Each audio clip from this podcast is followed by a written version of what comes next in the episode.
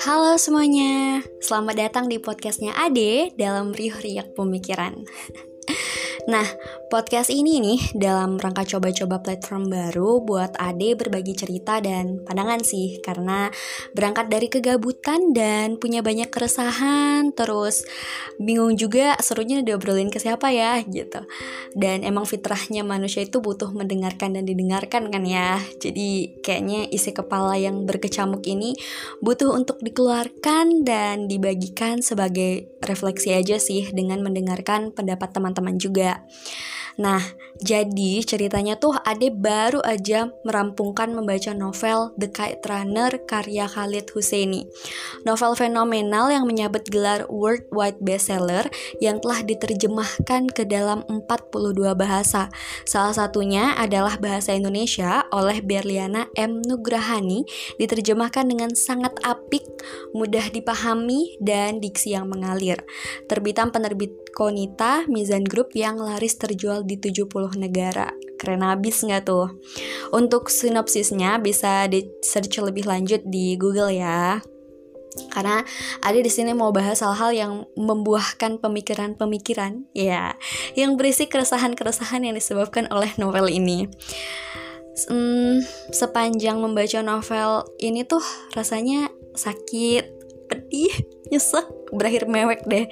Biasa ya perempuan kalau baca novel, tapi bukan karena romansa percintaan antara dua lawan jenis yang buat Ade miris banget membaca novel ini. Lebih dalam dari itu sih, bahkan di beberapa part ini Ade serasa hmm, nggak hmm, sanggup untuk melanjutkan membaca karena perasaan sedih yang sangat menyesakkan gitu ketika mengimajinasikan tiap adegan kekejian yang digambarkan dalam novel ini. The Kite Runner memuat kisah tentang persahabatan, persaudaraan, kasih sayang, ketulusan, pengkhianatan, dan penderitaan antara Amir dan Hasan. Mau cerita dikit sih tentang sinopsisnya, tapi takut spoiler gitu. Jadi, hal yang sangat menarik perhatian Ade tentang novel ini itu tuh tentang latar waktu puncaknya pada tahun 1973 sampai 2000-an di Afghanistan dan peristiwa yang diangkat berdasarkan keadaan negara Afghanistan tepatnya di Kabul saat diduduki oleh rezim komunis. Nah, dari novel ini ada jadi tahu adanya pembagian etnis Pashtun dan Hazara di negara ini.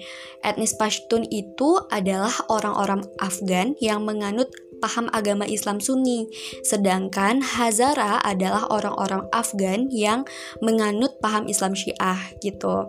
Ada pikir itu uh, hanya rekaan atau hanya buatan dari si penulis, terus ada search uh, lebih lanjut lagi di internet dan itu emang beneran ada gitu.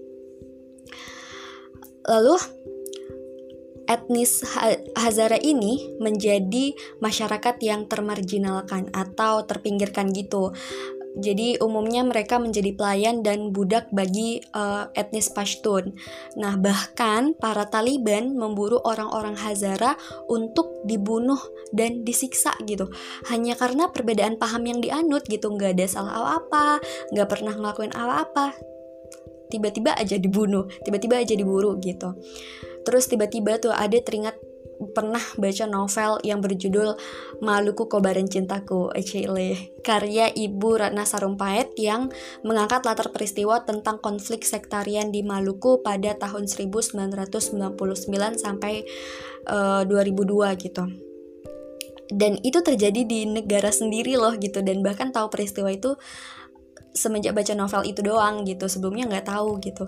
Penyerangan antar agama yang mengakibatkan terbunuhnya insan manusia serta beberapa rentetan sejarah tentang penindasan suatu kaum pada kaum yang lain. Hmm, sebut saja yang lumrah kita ketahui itu konflik Israel dan Palestina yang masih terjadi sampai saat ini kan. Nah beberapa peristiwa di atas menimbulkan sebersih pemikiran gitu di kepala dia kayak kenapa sih manusia itu bisa menyiksa satu sama lain gitu. Sedangkan kita diciptakan oleh Tuhan, diturunkan ke bumi untuk menjadi khalifah di muka bumi ini. Lantas, mengapa kita harus saling menyakiti? Untuk apa? Apa hak merempas hak manusia lain untuk hidup dan merdeka sepertimu. Tuhan yang meniupkan ruh pada jasad manusia itu sehingga ia hidup. Lantas, mengapa kamu merasa berhak mengambil nyawa dari jasad saudaramu sendiri? Ya, saudaramu, bukankah kita bersepakat bahwa kita terlahir dari rahim yang sama, rahim ibunda Hawa?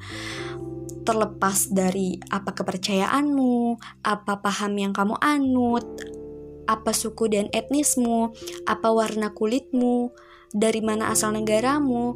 Yang jelas, kita sama-sama makhluk yang diciptakan sebagai manusia. Bagaimana mungkin gitu hatinya sanggup membunuh, menyiksa, dan membantai saudaranya yang juga memiliki kehidupan, pemikiran, rasa, dan asa hanya karena kamu merasa dia berbeda dari dirimu. Sedangkan Tuhan memang menciptakan manusia dengan berbeda-beda.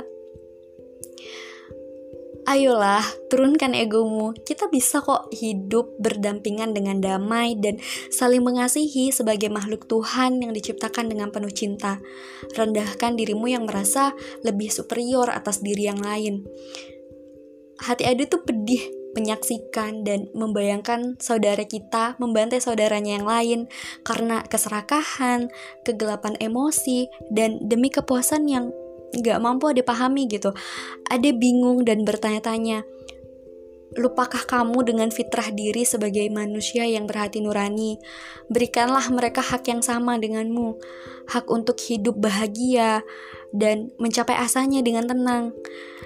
Semoga ini menjadi salah satu pesan damai untuk kita semua dalam memahami perbedaan. Ade rasa itu semua sih yang mau Ade sampaikan. Sedikit emosional mungkin ya untuk pembukaan podcast yang akan diluncurkan ini. Eish.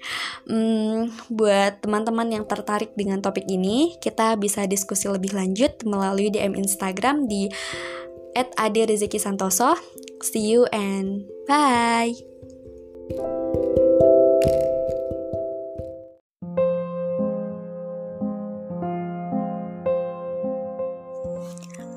Hai kamu yang tengah pilu hatinya. Sini, duduk di sisiku sejenak. Mari, ku coba untuk menerjemahkan dan mengurai keluh hatimu ya.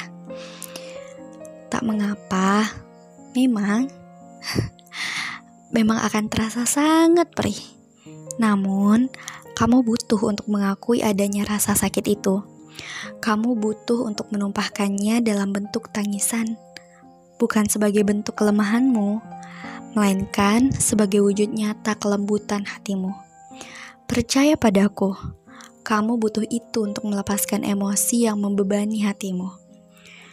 Alkisah, hari itu obrolan kalian tidak sehangat dulu, tidak semenyenangkan yang pernah ada. Hanya ada tawa paksa darimu untuk menutupi jejak hampa hatimu. Dan Percakapan itu pun berakhir dengan menyisakan jejak kebingungan di hatimu. Kamu bertanya pada hatimu, "Hei, kenapa rasanya menjadi menyesakan? Ke mana rasa bahagia yang dulu ada ketika aku mendengar suaranya dari seberang sana?" Seperti menguap begitu saja, tergantikan dengan jejak rasa mendalam yang menyedihkan. Tiba-tiba, suasana hatimu memburuk. Beberapa waktu pun berlalu Ketidaknyamanan ini terus berlanjut dalam hubungan kalian. Tiba-tiba saja, tiada kabar, tak ada suaranya memenuhi rongga pendengaranmu. Ceritanya hilang dari hari-harimu. Bahkan, untuk menyapanya pun, kamu sudah tak bernyali. Entah tembok apa yang menghalangi rasa kalian kini. Lalu, beribu variabel kemungkinan muncul dalam benakmu. Apa aku kurang indah perihal paras? Apakah ada sosok lain yang menarik pandangan matamu? Apakah hatiku bukan rumah yang hangat dan menenangkanmu untuk pulang dari penatmu dalam meniti hari-harimu? Hmm, seakan kamu menjadikan dirimu sebagai objek yang harus pantas untuk dipilih. Jika tidak, maka kamu akan dicampakkan. Nyatanya, kamu lupa bahwa kamu juga pantas untuk memilih. Tenanglah, kamu indah, kamu sangat indah dalam mencinta dengan begitu tulus. Dia yang kamu anggap sebagai duniamu, dia sangat beruntung. Ada kamu. Satu hal yang perlu kamu ingat, kamu berhak untuk dicintai dengan indah, bukan dengan keegoisan, bukan dengan cinta timbal balik. Kamu pantas dicintai karena itu kamu dengan segenap yang kamu miliki. Sekarang, tegakkan kepalamu, teguhkan hatimu, hadapi dunia ini. Tak perlu merasa kecil dan rapuh. Dia ada. Mungkin itu hanya perasaan kamu. Mungkin dia hanya tengah sibuk dengan dunianya dan mimpi-mimpinya. Aku tak ingin mengatakan dia jahat dan tak baik untukmu karena telah menyakiti perasaanmu.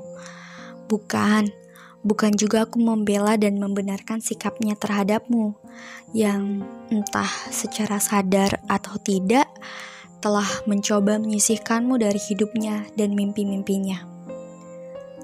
Hmm, dengarkan aku, dengarkan aku. Mungkin memang dia bukan orang yang tepat untukmu dan caramu dalam mencintanya tidak sesuai untukmu. Dan lagi kukatakan, bukan cara mencintamu yang salah, bukan. Namun hanya saja mungkin bukan dia orangnya, bukan dia yang dapat menghargai caramu menuangkan cinta dan perasaan. Karena kamu patut untuk dihargai sedemikian rupa. Dia telah dengan mimpi-mimpinya, Eh, hei, bukannya dulu sebelum adanya dia di hidupmu, kamu pun memiliki rangkaian mimpi dan citamu sendiri, bukan? Coba deh kamu susuri lagi jajaran impianmu yang telah terbengkalai dan terlupakan karena kehadirannya. Coba wujudkan satu persatu. Aku tahu akan sulit di awal menghapus dia dari ingatanmu dan mengubah fokus hidupmu. Namun, kamu akan berevolusi menjadi sosok yang berkelas kelak. Jika kamu mau keluar dari keterpurukanmu ini, dan bila memang berjodoh, kalian akan dipertemukan kembali. Percayalah. Namun, tentunya telah dengan versi yang lebih baik dari saat ini. Jika tidak, hmm, maka rasa ini akan kamu kenang dengan senyuman kelak dan kamu akan berterima kasih dengan semua hal yang kamu lalui saat ini. Benturan-benturan inilah yang kelak membentukmu menuju kedewasaan. Hmm, sudah ya, aku pamit dulu. Nanti akan aku temani lagi kamu dengan beragam rasamu. Salam dariku, kamu di masa depan.